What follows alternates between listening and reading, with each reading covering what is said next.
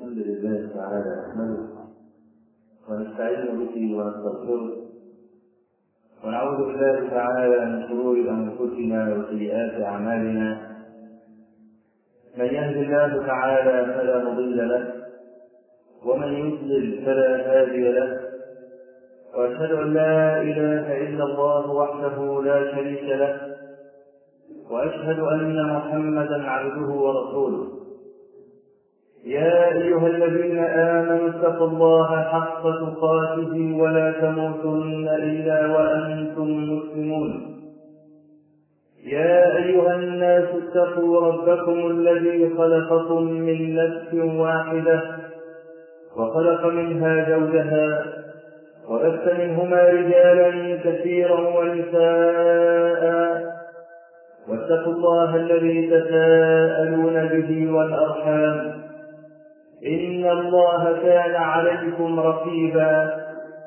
يا أيها الذين آمنوا اتقوا الله وقولوا قولا سديدا. يصلح لكم أعمالكم ويغفر لكم ذنوبكم. ومن يطع الله ورسوله فقد فاز فوزا عظيما. أما بعد فإن أصدق الحديث كتاب الله تعالى. وأحسن الهدي هدي محمد صلى الله عليه وآله وسلم وشر الأمور محدثاتها وكل محدثة بدعة وكل بدعة ضلالة وكل ضلالة في النار. أيها الإخوة الكرام إن الله تبارك وتعالى ذكر سنة الدفع في آيتين من القرآن العزيز كلاهما في معرض القتال. قال تعالى ولولا دفع الله الناس بعضهم ببعض لفسدت الأرض. ولكن الله ذو فضل على العالمين. وجاءت هذه الآية بعد القتال الذي دار بين جالوت وبين داوود. وفي الموضع الثاني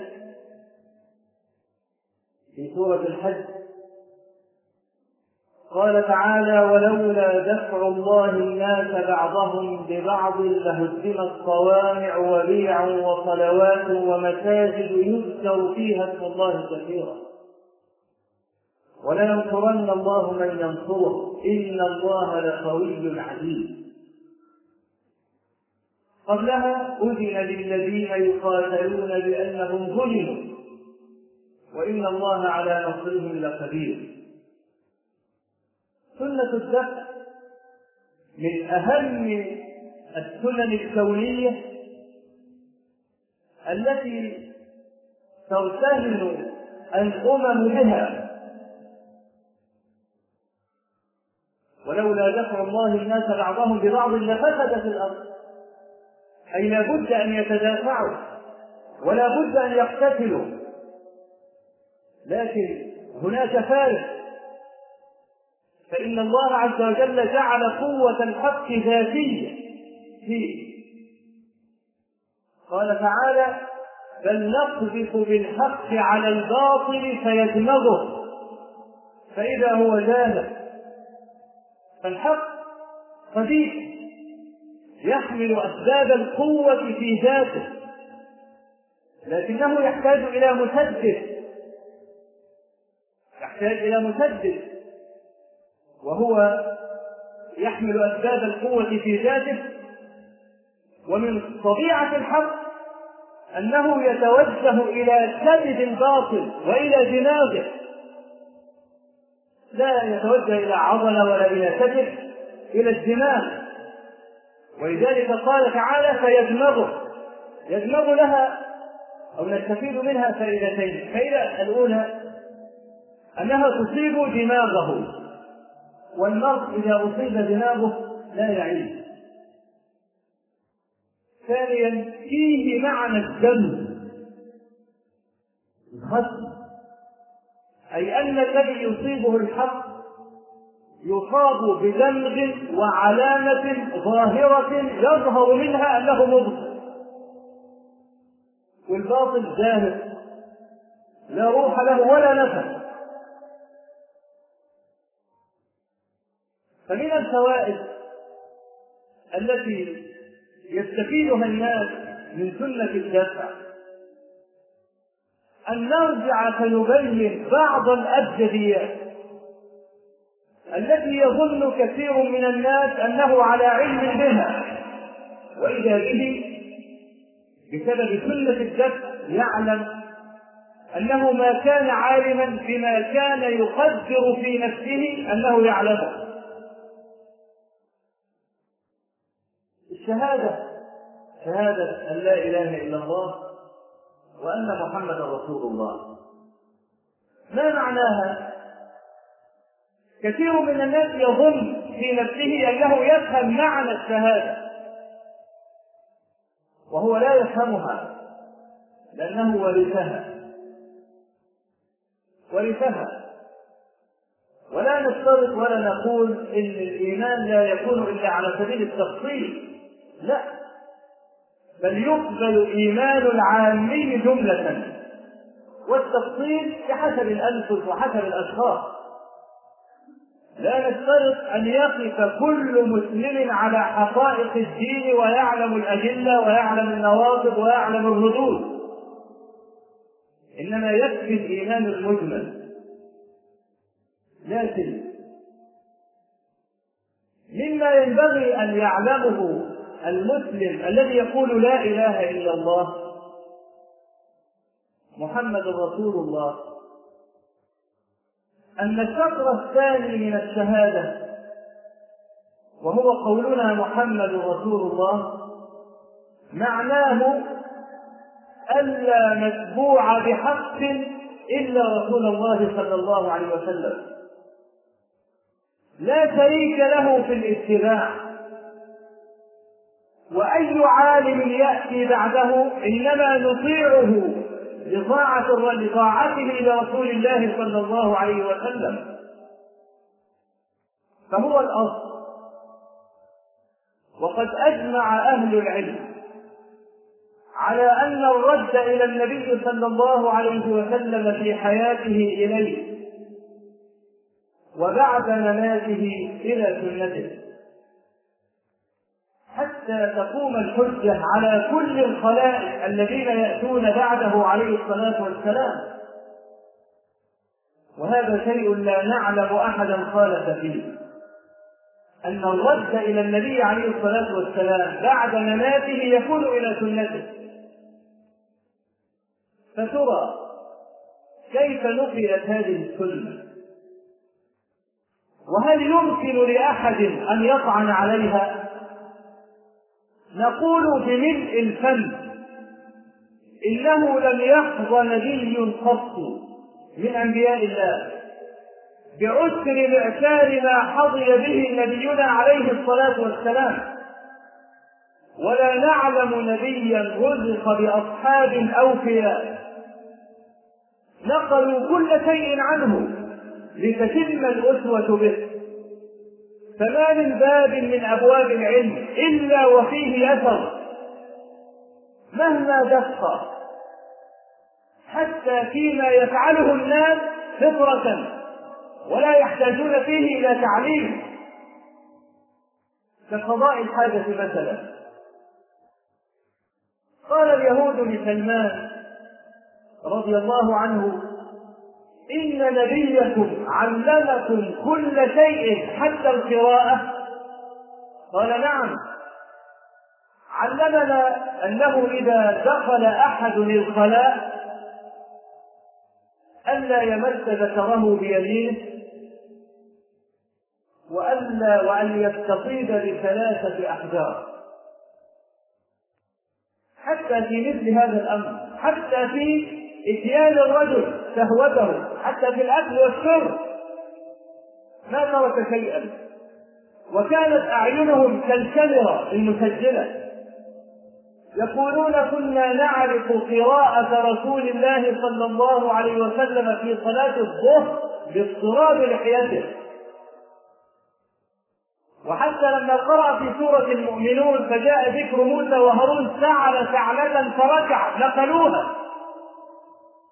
أنه سعل سعلة فركع ويخرج جابر بن سمرة صيفا من بيته في ليلة حمراء ليعقد مقارنة بين القمر وبين وجه النبي عليه الصلاة والسلام. وخرج من بيته لأجل هذا. يقول خرجت في ليلة في ليلة حمراء إضحيان كان القمر تاما. فجعلت أنظر إلى القمر تاره وإلى رسول الله صلى الله عليه وسلم تاره فلكان في عيني أجمل من القمر ويسجل مثل هذا الحب. وله في ذلك أعاجيب في مساله النقل بحيث أن الأمر كما قال أبو ذر رضي الله عنه ما من طائر يقلب جناحيه في السماء إلا وعندنا منه علم عن النبي صلى الله عليه وسلم. ونقل السنة على أوثق ما أنت رائد وما أنت قارئ النصارى لا يصلون إلى عيسى عليه السلام بإسناد متصل أبدا. ولا يصلون إلى صاحب نبي أصلا. والانقطاع في الأسانيد عندهم قد يصل إلى مئة عام. انقطاع بين الرجل وبين شيخه بين الذي تلقى عنه الكلام. قد يصل الانقطاع إلى مئة عام. إنما نحن معاشر المسلمين نقلنا سنة نبينا عليه الصلاة والسلام على أوثق القواعد العلمية. وتعب العلماء في تقعيد هذه القواعد كعادة الأصول. الأصول مثلها كمثل هذا الجدار. كل عالم يضع لبنة وينظر فهذا الجدار ليس نتاج فكر عالم واحد إنما هو نتاج فكر مئات بل ألوف العلماء الأذكياء النابغين فنقلوا السنة. ووضعوا لها الشروط والضوابط لقبول الأخبار. لكن من سوء الحظ أن يأتي الخلائق بعد ذلك لا يكلفون أنفسهم النظر فيما حققه الأسلاف يا ليتهم نظروا. لكنهم طوحوا بهذه الجهود وراء ظهورهم. وقفوا يعترضون على السنة. كلما نقل إليه الكلام لا يستسيغونه جعلوا عقولهم حاكمة على كلام الرسول صلى الله عليه وسلم. وابتكروا أشياء هم لا ينفذونها في واقع حياتهم. مثلا يقولون مثلا أخبار الآحاد لا تقبل في العقيدة مع أنهم يقبلون أخبار الآحاد من الكافرين هذا الذي ينكر الشفاعة الآن. وهذا ليس مذهب أهل السنة والجماعة إنما هو مذهب المعتزلة. الذين يخلدون المذنبين في العذاب ويحتجون بحجج رد عليها أهل السنة وتبعوا ردا عليها ما تركوا قولا لقائل وأتوا على بنيانهم من القواعد فيأتي هذا فيعرض أدلة المعتزلة كأن أحدا من أهل السنة ما رد على هذا الكلام. لو أن هذا الإنسان أو غير ملك وأخذ علته وسافر إلى بلاد الغرب فقال له الطبيب أنت مريض بالمرض الفلاني وأنت ستخضع لعلاج مكثف وتأخذ الأدوية الفلانية. ترى هل يقول له أنت طبيب يعني أنت فرد ومن الممكن أن تخطئ في التشخيص فلو سمحت ائتيني بكل من العلماء الأطباء عشرين طبيب ثلاثين طبيب ممن يقع بهم التواتر ويقول نفس الكلام. إن أنا مريض بالعله الفلانيه حتى أسلم لك. هل سمعتم بهذا في العالمين؟ أن رجلا ذهب إلى طبيب فقال له أنا لا أقبل كلامه حتى تأتيني بأطباء يبلغ عددهم التواتر ولا يجوز عليهم الخطأ حتى أقتنع بكلامه وآخذ العلاج. ما علمنا أن هذا أن احدا قال هذا الكلام فلماذا يقولونه في أحاديث النبي عليه الصلاة والسلام؟ وهذا الذي قال له أنت مريض بالمرض الفلاني رجل كافر. يعني لا ينعقد به خبر. فضلا عن أن ينعقد به يقين. ومع ذلك يسلمون له. فإذا اعترضنا عليهم اتهمونا بالجهل وأنه لم يقل أحد بقولنا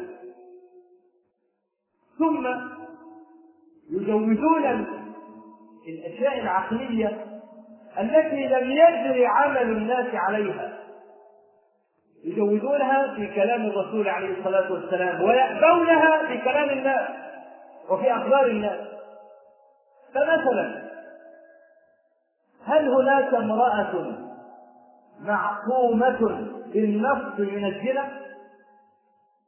أي امرأة؟ نحن نقول إن العفيفات كثيرات لكن قد تكون عفيفة وتذل مرة. وهي عفيفة. وهذا الخطأ قد يرتكب في ضعف الإيمان. ومع ذلك لا يزيل الخطأ اسم الإيمان عنها. فأي امرأة في الدنيا ممكن عقلا أن تزني وليس هناك دليل عصمة إن هذه المرأة يستحيل عليها الزنا. السؤال أليس من الجائز أن يكون الولد الذي تعتقد في نفسك أنه ولدك يكون ولد رجل آخر أتت فيه المرأة؟ عقلا. إحنا الآن بنتكلم عقلا. مثلما يتكلمون في أحاديث النبي عليه الصلاة والسلام أليس من الجائز؟ يعني هذا الذي يتكلم في أحاديث النبي عليه الصلاة والسلام بهذا العقل المجرد.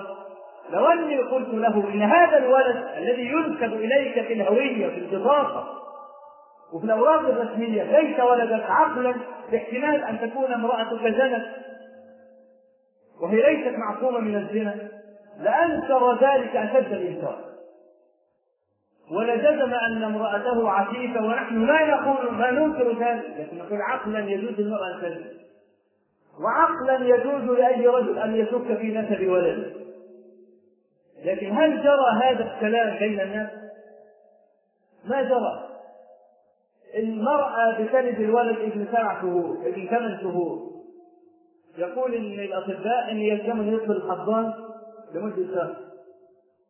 حضان فيه عشرات الأطفال أول ما الولد ولد قبل أن تتحقق من شكله وقبل أن تعرف أن هذا ولدك توديه الحضان خلاص يأخذ رقم أليس من الجائز أن تخطئ الممرضة فتأتيك بولد ليس هو ولدك؟ ولا ده مستحيل؟ جائز عقلا ولا لا؟ جائز عقلا فكيف ساغ لك أن تسلم لهذه الممرضة مثل هذا الأمر الخطير؟ وتأخذ الولد مسلما ومطمئنا مئة بالمئة أنه ولدك مع ان جائز عقلا أن تخطئ الممرضة فتأتيك بغير ولد. لماذا لا يعمل بهذا؟ للفساد العريض المترتب عليه. فلماذا يأخذون هذا الجواز العقلي ويجعلونه في سنة النبي عليه الصلاة والسلام؟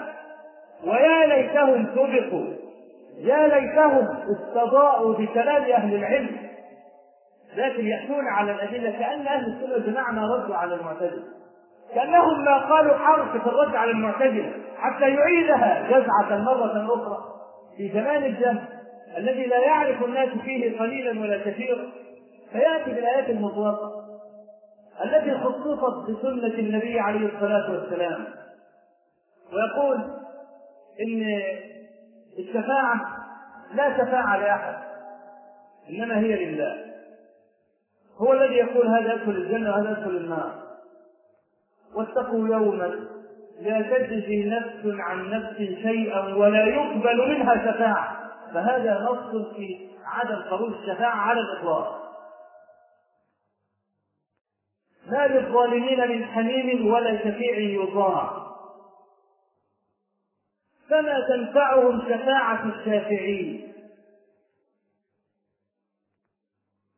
الله الذي خلق السماوات والأرض وما بينهما في ستة أيام ثم استوى على العرش. ما لكم من دونه من ولي ولا شفيع.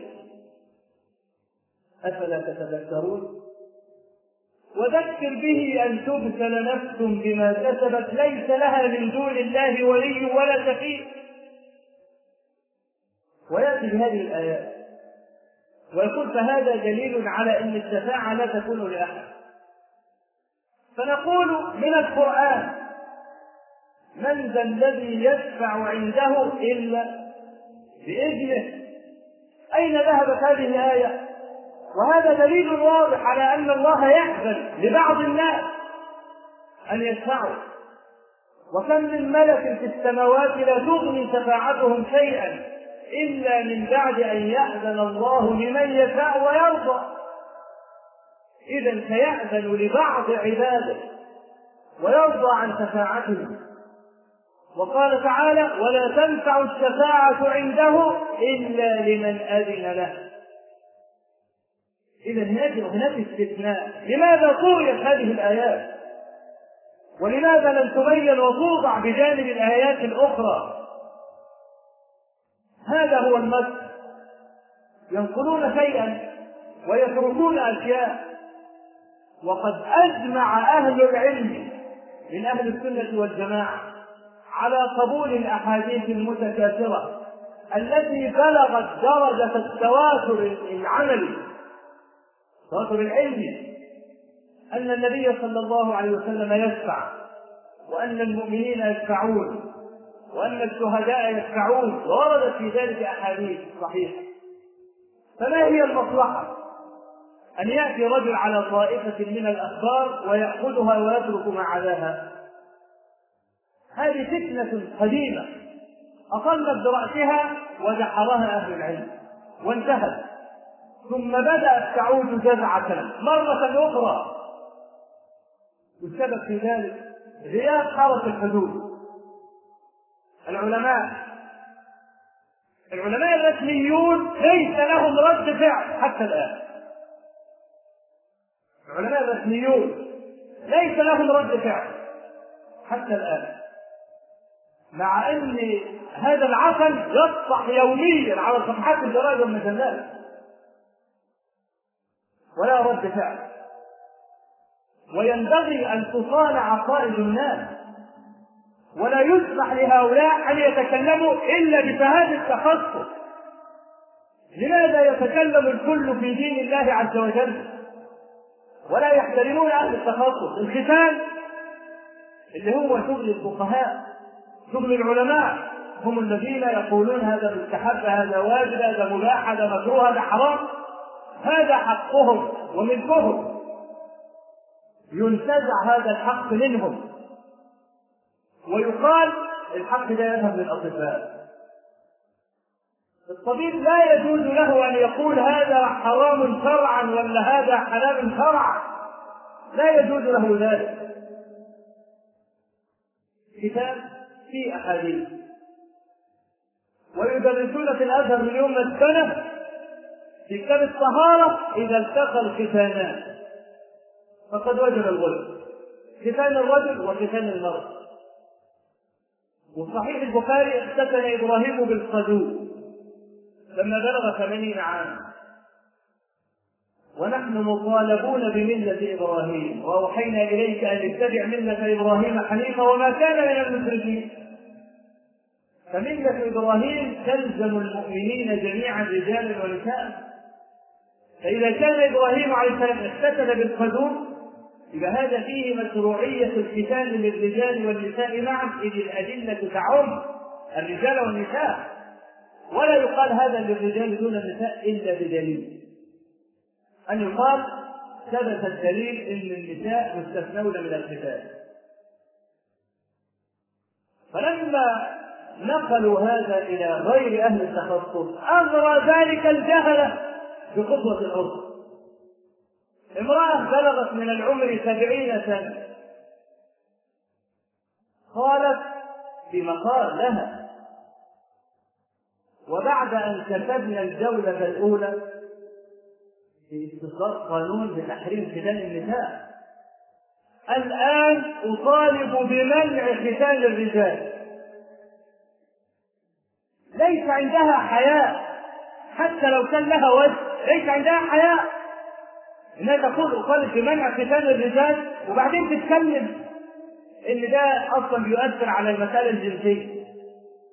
امرأة بلغت من العمر سبعين سنة. ما هذا الهوان الذي بلغناه؟ ده معناه قطع على وجه كل رجل يحمل العلم الشرعي في هذا البلد. أن يتكلم بمثل هذا الكلام ولا تعاقب المرأة. ولا يقال لماذا تعديتم الحدود؟ تطالب بمنع ختان الرجال والذي رد عليها أول ما رد عليها الأطباء. يعني ما رد عليها مسمون بالشريعة. فهذا كل يوم يغري الجهلة إن هم يصوبوا ضربة إلى معقل حصين كان قبل ذلك لا يستطيع واحد أن ينظر إليه. اغرى هذا كثيرا من الجهلة بالطعن على سنة النبي عليه الصلاة والسلام وبدأوا يأتون بالأحاديث التي لا يفهمونها ولا يعرفون وجهها ويعترضون عليها وأسهل شيء يقول لك هذا مكذوب على النبي عليه الصلاة والسلام. ولو أتيتهم بكل آية ليس هناك منهج علمي يتحاكمون إليه. منهج قبول الأخبار يقوم على الصدق والكذب. الصدق والكذب. الصادق يقبل الخبر والكاذب يرد خبره. المتوهم يتوقف في خبره. حتى نتاكد إن هو محب. هو الضابط العام لقبول الأخبار. فيأتي على حديث بسند واحد. هذا الحديث مثلا نفترض إن سند مالك عن نافع عن ابن عمر. لا اسناد كالشمس. مالك بن انس الإمام العرب. ونافع مولى ابن عمر وابن عمر صاحب النبي عليه الصلاة والسلام. ينقلون خبرا ما وليكن مثلا أي خبر نفترضه؟ صلوا كما رأيتموني اصلي خذوا عني مناسككم. يوم يقول إن إحنا نقبل هذا الخبر. طيب مالك عن نافع عن ابن عمر ويسوق قصة. مثل القصة التي رواها الشيخان عن أبي هريرة رضي الله عنه. بإسناد في الصحيحين من اصح الأسانيد. قال صلى الله عليه وسلم جاء ملك الموت إلى موسى عليه السلام. فقال اجب ربك. فسقى موسى عينيه. فصعد ملك الموت إلى الله وقال إنك أرسلتني إلى عبد لا يريد الموت. فرد الله عليه بصره وقال اذهب لعبدي فقل له ضع يدك على نسل ثور فلك بكل شعرة مستها يداك سنة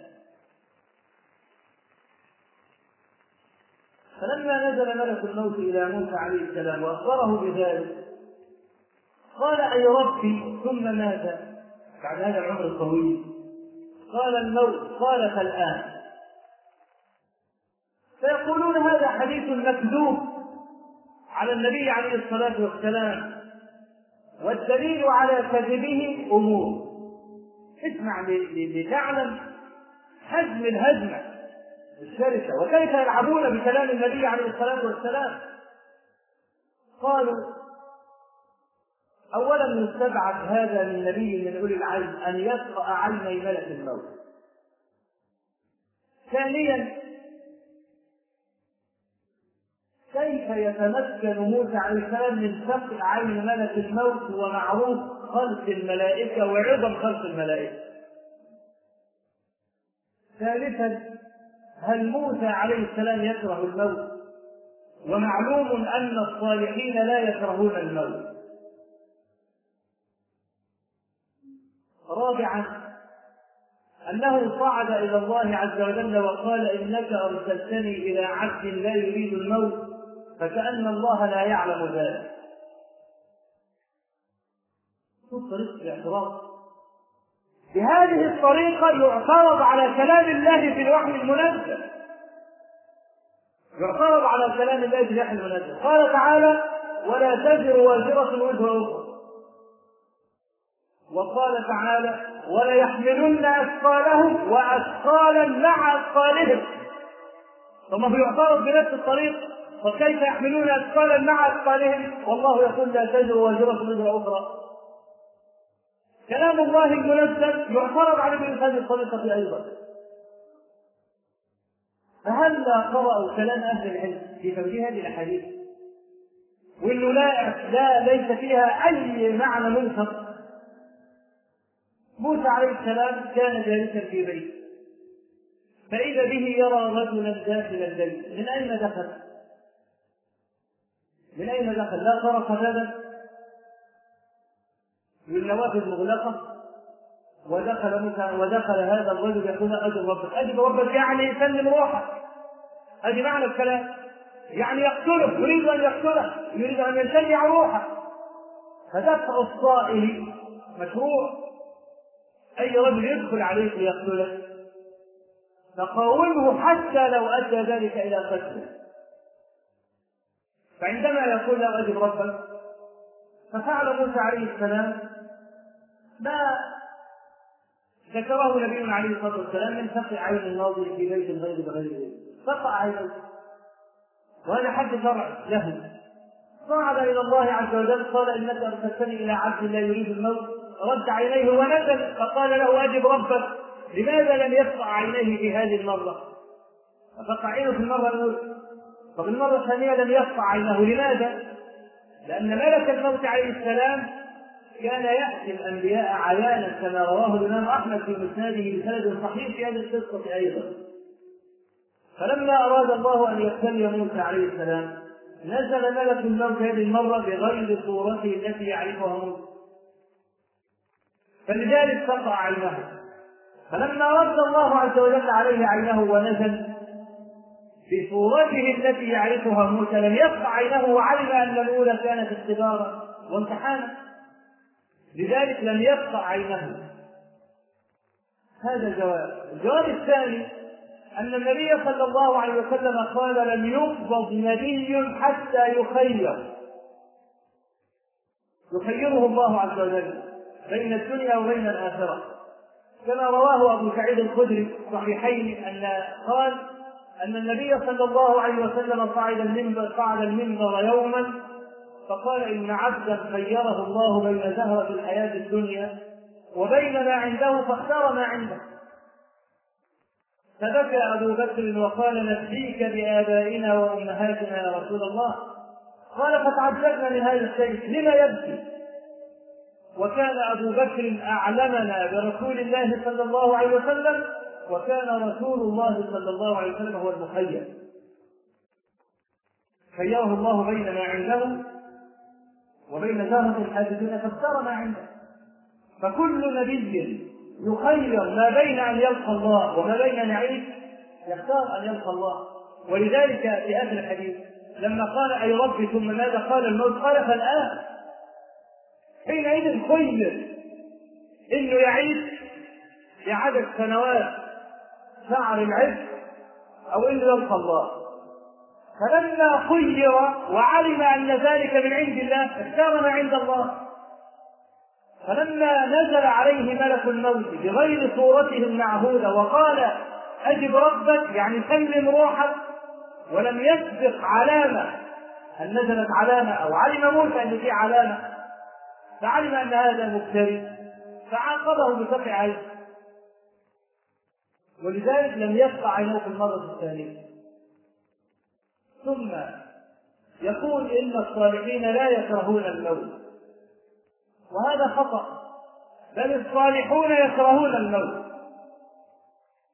وفي هذا يروي الشيخان حديثا عن عائشة رضي الله عنها أنها قالت سمعت رسول الله صلى الله عليه وسلم يقول من أحب لقاء الله أحب الله لقاءه. ومن ترك لقاء الله ترك الله كره الله لقاءه. فقالت يا رسول الله كلنا يكره الموت. ومعروف إن لفظ كل من ألفاظ العموم بل من أقوى ألفاظ العموم. فها هي عائشة رضي الله عنها تتحدث عن الكل. كلنا يكره الموت. فلم يقل لها لا يا عائشه ليس كل الناس يكره الموت الصالحون يحبون الموت. فلما ترك النبي صلى الله عليه وسلم التعقيد عليها في هذا وترك البيان دل على أنه يقر وأن كل الناس يكرهون الموت. ولكن ليس الأمر كما تذهبين إليه.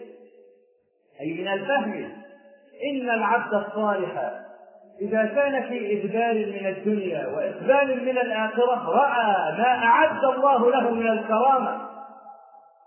فأحب لقاء الله فأحب الله لقاءه. وإن العبد الفاجر إذا كان في إدبار من الدنيا وإقبال من الآخرة ورأى ما أعد الله له كره لقاء الله فكره الله لقاءه. فأي معنى المنكر يا عباد الله في هذا الحديث؟ حتى يقال هذا كذب على النبي عليه الصلاة والسلام. ويتجرأ على الدعوة أن البخاري في 400 حديث مكذوب على النبي عليه الصلاة والسلام. ويصنف رجل كتابا يسميه الأضواء القرآنية لافتتاح ناس البخاري للاسرائيليات ويطبع في المصادع ويباع على الارصفه لأن هذه البلد ليس فيها عالم. ويطبع الكتاب أكثر من طبع. بل إن كتاب أضواء على السنة المحمدية لرجل أزهري فاسد فصله علماء الأزهر انذاك من الجامعة الأزهرية. ألف كتاب أضواء على السنة المحمدية؟ يتهم أبا هريرة بالكذب على النبي عليه الصلاة والسلام ويطبع هذا الكتاب في أكبر دار طبع رسمية في البلد وهي دار المعارف. ويمر هذا ويباع ويطبع حتى الآن. فلما يكذب أبو هريرة حافظ الصحابة الذي دعا له النبي صلى الله عليه وسلم قال اللهم حبب أبا هريرة وأمه إلى عبادك قال أبو هريرة لا يسمع بي يهودي ولا نصراني إلا احبني عملا بهذه البشارة ومات رسول الله صلى الله عليه وسلم وأبو هريرة حافظ الصحابة. ما طعن واحد قط في صدقه يوما ما. فلما يتكلم عن الصحابة بهذا وتطبع الكتب ويدرس العلماء الرسميون الرد تكون جناية كبيرة. من الذي يحفظ على الناس عقائدهم؟ بدأ كشف كثير يتسلل إلى الذين لا يعلمون شيئا. بعض الناس وأنا اتكلم عن هذه المسألة معه. قال يا أخي لا يضر السحاب نفس الكلاب بمثل هذا الظن تفسخ كثيرون. كنت أتخيل كل شيء إلا شيئا واحدا.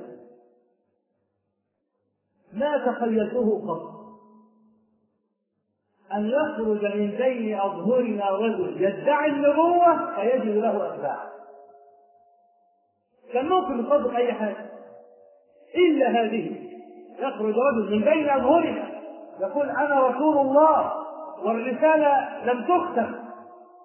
ويجد له أتباع إذا فكثير من الناس مستعد لقبول الباطل بالظاهر وحماية عقائد الناس أمر واجب. ولا بد أن يقف العلماء للزوج عن دينهم. لا يدل الصحابات الرجال يقول لك يا أخي البخاري في السنة. إيه ولد لا يفقه شيئا يتكلم عن البخاري. جيبوا يهبها هو ده تعبيره. أجيبوا يهبها فلما يتكلم هو عن البخاري ويورد مثل هذه المعاني التي أوردها. وكثير من الناس لا يستطيع أن يرد عليها. وقع في روعه إن البخاري بيوم المكتوبات فكلما نقل إليه كلام قال وما يدريني لعله مكذوب. حتى يأتي ذلك على كل الوحي. وحي السنة. ولا يكون بين أيدي الناس شيء من البيان الذي امتن الله عز وجل على المسلمين بوجوده. وأنزلنا إليك الذكر لتبين للناس ما نزل اليه فإذا جاز أن يلعب بهذا البيان فإن الاجمال لا يكفي أحدا. إنكار السنة. من حيث التفصيل. واثباتها من حيث الجملة بدعة قديمة بدأت تصل براسها أكرر ولا أزال أكرر. ينبغي على الجماهير أن تفرغ طلاب العلم. فلا ينفقون أوقاتهم في طلب المعاد. ويتفرغون لإتقان العلم وأصوله. للزوج عن هذا الدين هذا واجب على العوام. أنت أيها التاجر الغني لا تعرف شيئا عن الأصول ولا تستطيع أن ترد عن دينك. اطلب طالب علم. كان طلاب العلم قديما تدخلهم الدولة ولهم عصيات لذلك كان بدل الواحد ألف واحد في ديار المسلمين.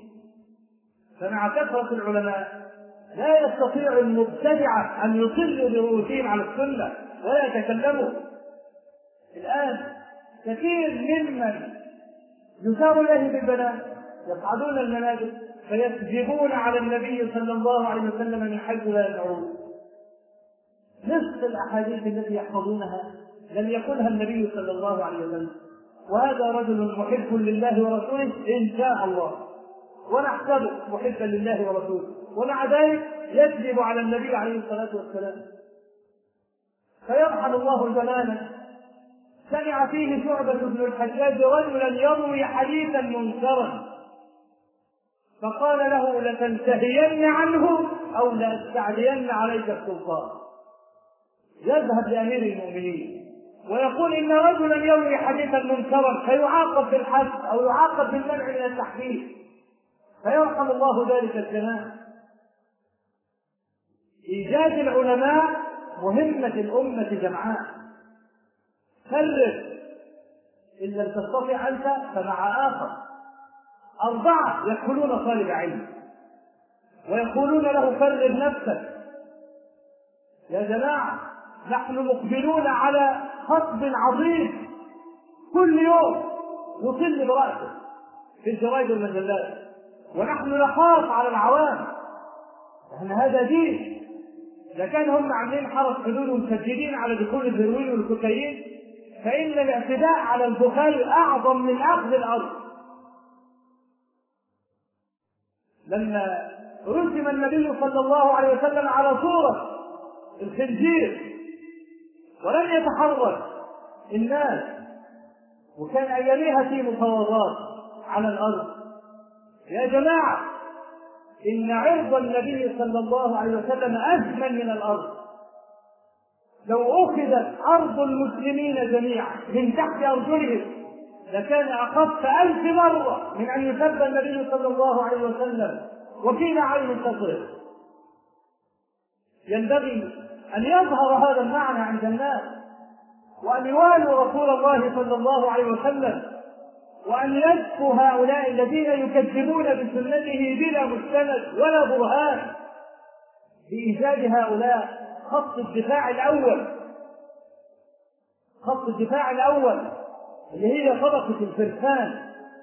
ونحن نعلم أن الضحايا سيكثرون في هذه الطبقة.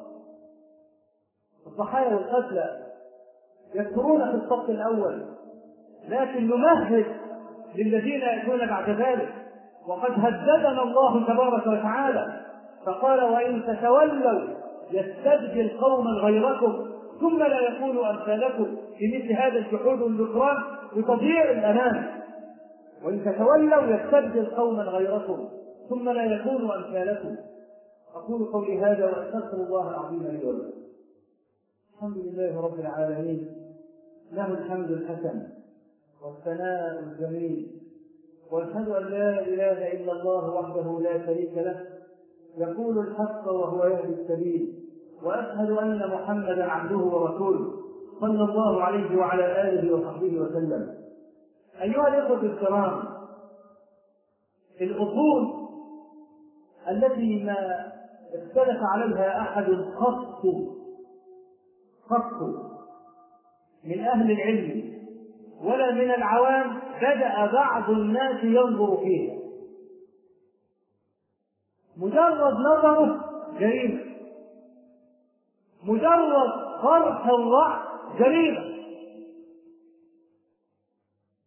أو كلما قال رجل رأيا خطيرا قلنا له كان ينبغي ألا يرد عليه حتى يموت قوله.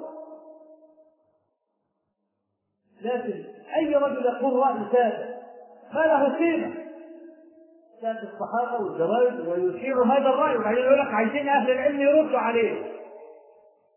نريد أن من أهل العلم أن يقولوا قولهم في الموضوع. لأنه قول تافه ما له قيمة وما ينبغي أن يلتفت إليه. مثل هذا الرجل اللي بيقول إن القرآن لم يحدد يوم عرفة إلا يوم تسعة. ذو الحجة وأن الله عز وجل قال الحج والشهور معلومات. أشهر الحج شوال وذو القعدة وعشر ذو الحجة يعني 70 يوم أو أقل يومين مثلا. على حسب الرؤية. طيب بدل الامتحان 5 مليون 4 مليون يقتلوا بعض عند الجمرات والطواف الإفاضة وطواف الوداع والكلام ده. وفي النفرة من عرفات والناس كده تقتل بعضها. يبقى إن إحنا نفرق بقى. نقول بقى إن الشهر شوال يحج البلاد الفلانيه والشهر ذو القعده يحج البلاد الفلانيه وشهر ذو الحجه يحج البلاد الفلانيه ولهذا يبقى نتغلب نتغلب عن ست الزحام يبقى اللي هيحجوا من من واحد شوال لعشرة شوال يبقى يوم عرفة بالنسبة لهم تسعة شوال ويوم العيد عشرة شوال ويبقى كده في أكثر من يوم عرفة وفي أكثر من يوم نحر كل هذا لنتغلب على الست الحج زي ما حصل في تونس سنة 64 إن صدر قرار لكن لم يعمل به. بنقل صلاة الجمعة إلى يوم الأحد. ده اسمها الجمعة. اسمها صلاة الجمعة علشان يوم الجمعة. لا قال لك لأن يوم الحج هو العطلة الرسمية. فإحنا بدل ما يبقى صلاة الجمعة الناس تروح تصلي الجمعة ويعطلوا الإنسان ساعة يبقى نعمل نقل صلاة الجمعة نخليهم الحج.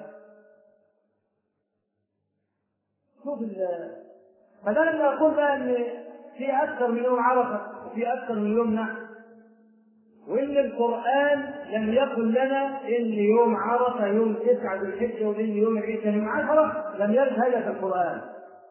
والسنة فيها أحاديث مكذوبة كثيرة.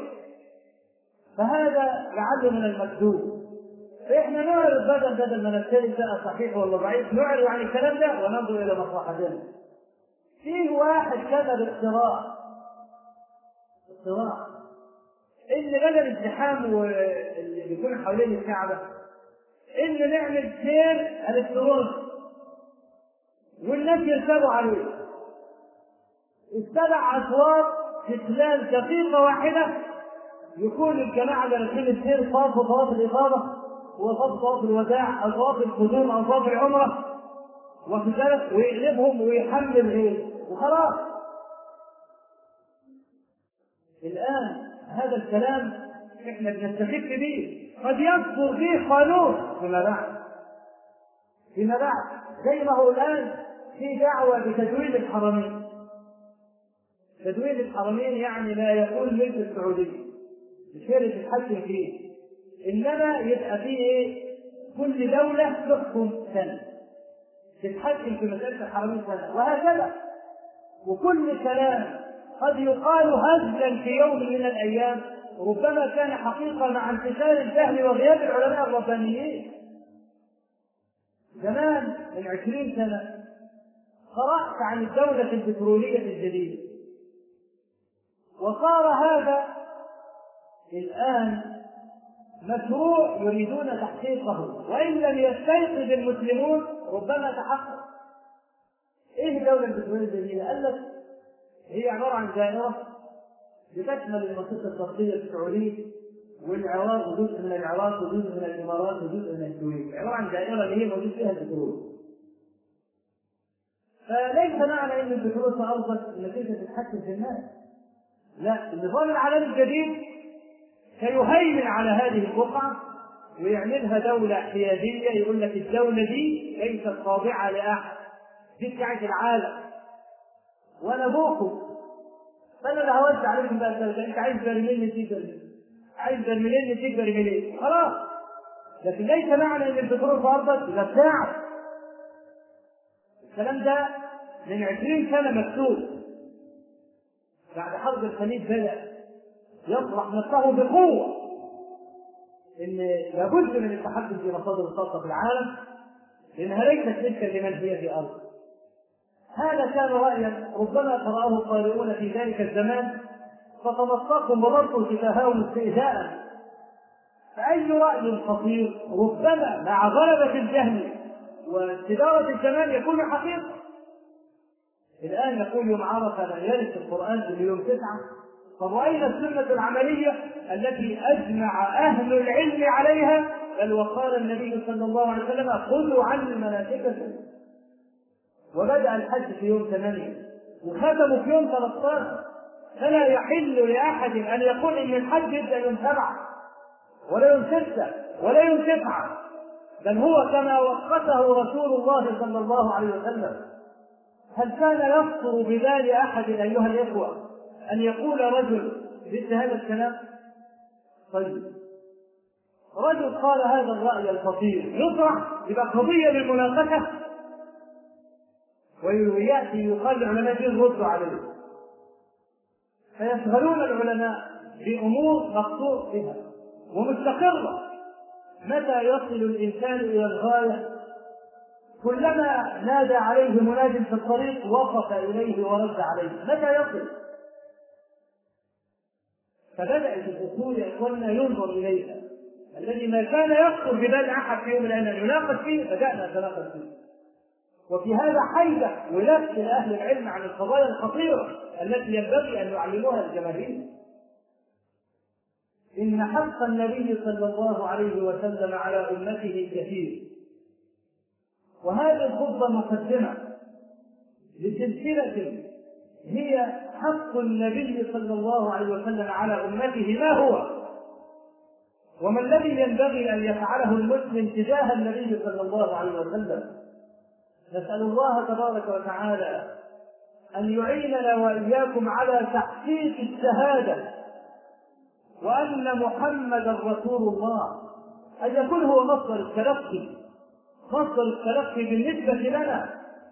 قال ابن مسعود كنا ضلالا فجاءنا النبي صلى الله عليه وآله وسلم فعلمنا إننا لا نستقل بمعرفة مراد الله تبارك وتعالى إلا عن طريق النبي صلى الله عليه وسلم. كان الصحابة أذكى الناس وكانوا أفهم الناس للمعاني والألفاظ ومع ذلك لما نزل قوله تبارك وتعالى الذين آمنوا ولم يلبسوا إيمانهم بظلم أولئك لهم الأمن وهم مهتدون شق ذلك عليهم. وقالوا يا رسول الله أينا لم يلبس إيمانه بظلم؟ فقال ليس كما تفهمون. ألم يقل العبد الصالح إن الشرك لظلم عظيم فهذا هو الظلم. الذين آمنوا ولم يلبسوا إيمانهم بظلم. العرب فهموا الآية على مقتضى أساليب العرب. إن النكرة في سياق النفي تفيد العموم. فالنكرة كلمة ظلم. نكرة يعني غير محلل الألف والله وبعدين هذه النكرة نكرة منفية. الذين آمنوا ولم لم نافية فهذه النكرة منفية تفيد العموم. يعني أي ظلم مهما دق ومهما كان صغيرا يؤاخذ المرء به. هذا الذي فهمه الصحابة. لذلك جاءوا قالوا أينا لم يلبس إيمانه بظلم؟ فصحح لهم النبي صلى الله عليه وسلم مراد الله. مراد الله عز وجل.